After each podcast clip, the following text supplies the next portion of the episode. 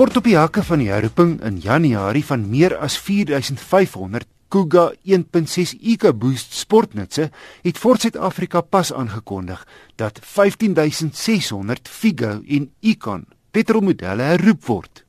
Die wat tussen 2004 en Maart 2012 in Indië vervaardig is en plaaslik verkoop is. Hoewel daar hier in Suid-Afrika nog geen voorvalle aangemeld is nie, hou 'n hoë druk kragstuurpyp 'n brandgevaar in.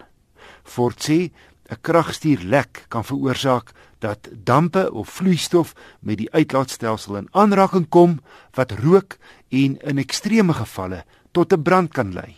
Die roeping behels die gratis vervanging van die pyp. Maar Ford waarsku dat hoflikheidsvoertuie nie gewaarborg kan word nie. Nou plaaslik het Ford die afgelope klompie jare sterk groei getoon. En interessant, na verlede jaar se Kuga fiasco was dit slegs Kuga verkope wat skielik 'n groot afname getoon het. Die res van Ford se modelle verkoop goed, veral die Ranger reeks. Die veteran motorjoernalis en deesdae ook 'n bemarkings- en media-konsultant Ferdi De Vos het aan kollega Vincent Mofokeng gesê dat herroepings algemeen voorkom, maar dat die manier waarop voor die Kuga aangeleentheid hanteer het nog vars in eienaars se geheue lê. Dit lyk op die oog af asof daar nie 'n verband is tussen hierdie herroeping van die Ford Figo en die uh, Icon en die Ford Kuga nie. Die oordeel aan wat gesê word deur Ford is die een die oorsaak daarvan dat die kragstuur vloeistof in die pyp die staan gevaar om los te trek of uh, jy weet iets gebeur met hom en dan uh, word daar van die vloeistof deurgelaat en dit kan in die ergste omstandighede tot 'n brand lei.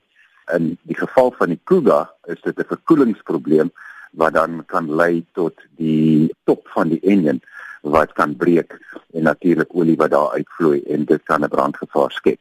So op die oog af beskou is dit nie twee goed wat vergelykbaar of daar's nie 'n kausale verband tussen die twee nie. Nou dit is voor se tweede keer wat hulle herroeping doen. Hoe gereeld vind herroepings plaas? Nou mense moet ook in uh, rekening hou dat die motorvervaardigers heelwat sulke herroepings doen deur die loop van al die jare. En dit is nie net Ford wat daardeur geraak word nie, al die groot vervaardigers, Toyota, Volkswagen, almal van hulle word geraak deur hierdie soort van dinge. En dit word van hulle verwag veral in Amerika wetgewing daar ook in Europa. En uh, ons sien baie keer die gevolge daarvan. En daar word ook verwag deur die openbare jy weet die ombudsman en die soort van mense dat uh, vervaardigers in Suid-Afrika hierdie soort van herroepings doen as daar so 'n besenlike gevaar is. Maar watse probleme veroorsaak dit vir die handelsmerk? Die probleem in hierdie geval met Ford is die een volg baie kort op die ander die Kuga sage het Ford geen gunste gedoen nie. En nou dat hierdie Ford Icon die herroeping van hierdie amper 16000 voertuie nou ook deurkom, eh, jy weet dit is nie baie goed vir die handelsmerk se waarde nie en dit is nie goed vir die handelsmerk as sulks nie, want dit laat onmiddellik die vraag ontstaan van jy weet hoe betroubaar is hierdie voertuie en waarom het hulle al hierdie probleme? soos ek sê alle vervaardigers word deur daardeur geraak so ek dink nie mense moet ooreageer daaroor nie maar die feit is net ek dink nie dit is goed dat dit so kort op mekaar bevorder in hierdie geval gevolg het nie. Watter invloed het hierdie herroeping op hulle geldsaake? Ja dit skok die verbruikersvertroue dis eintlik die groot probleem hierso omdat jy weet mense glo in 'n handelsmerk en hulle koop daardie handelsmerk omdat hulle sekere dinge daarmee vereenselwig en as hulle dan sulke skokke kry, dan beteken dit dat hulle nie meer oortuig is van die handelsmerk nie en dit kan beteken dat uh, Ford se verkope daaronder lê. Dit is die hoofding. Die, die tweede ding is natuurlik die gevaar van indien dit verkeerd hanteer word en dit eskaleer soos wat in die geval van Kuga gebeur het, dan kan dit 'n uh, 'n openbare PR ja disaster word vir die brand.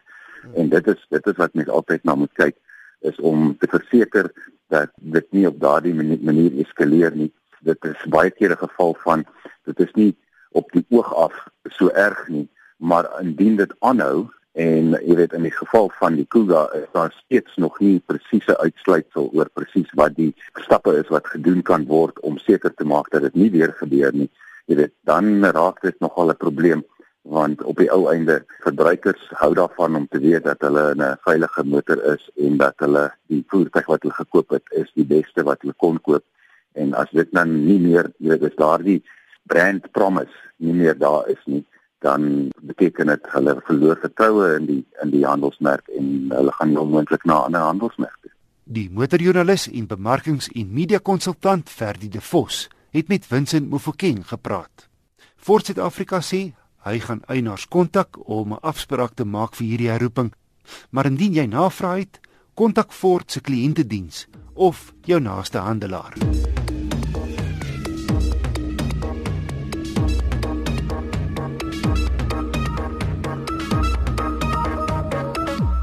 Fiat het ook die gewilde 1 ton mark betree met 3 fullback modelle. 'n Enkel kajuit, 'n agterwiel aangedrewe dubbelkajuit en my toetsmodel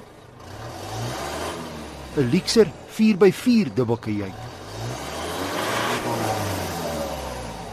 Die 2.5 LX turbo diesel.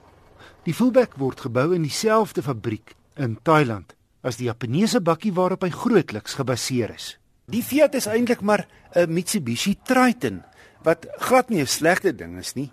Net 'n paar klein verskille soos die sierrooster is anders en die Fiat gebruik die vorige geslag Triton se enjin en radkas. Die LX topmodel dubbelkieuit lyk heel modern.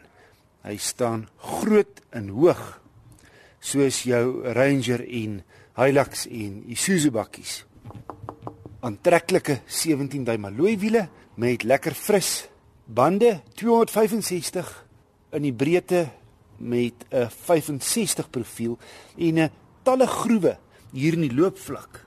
Lyk asof die bakkie lus is vir 'n 4x4 avontuur.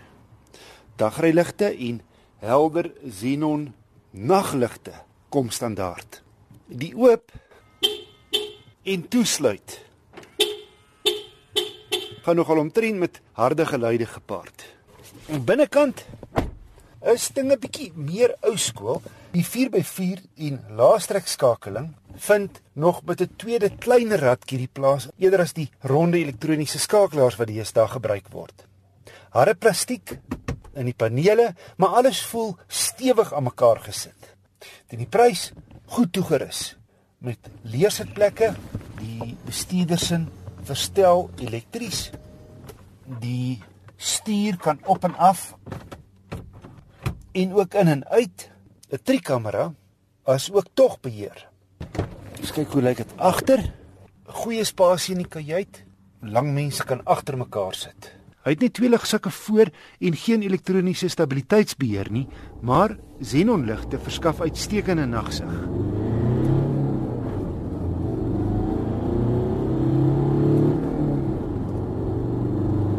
Die beproefde 131 kW 2.5 Mitsubishi masjien trek heel sterk deur die vyf ratte danksy 'n stewige 400 Nm wrinkrag.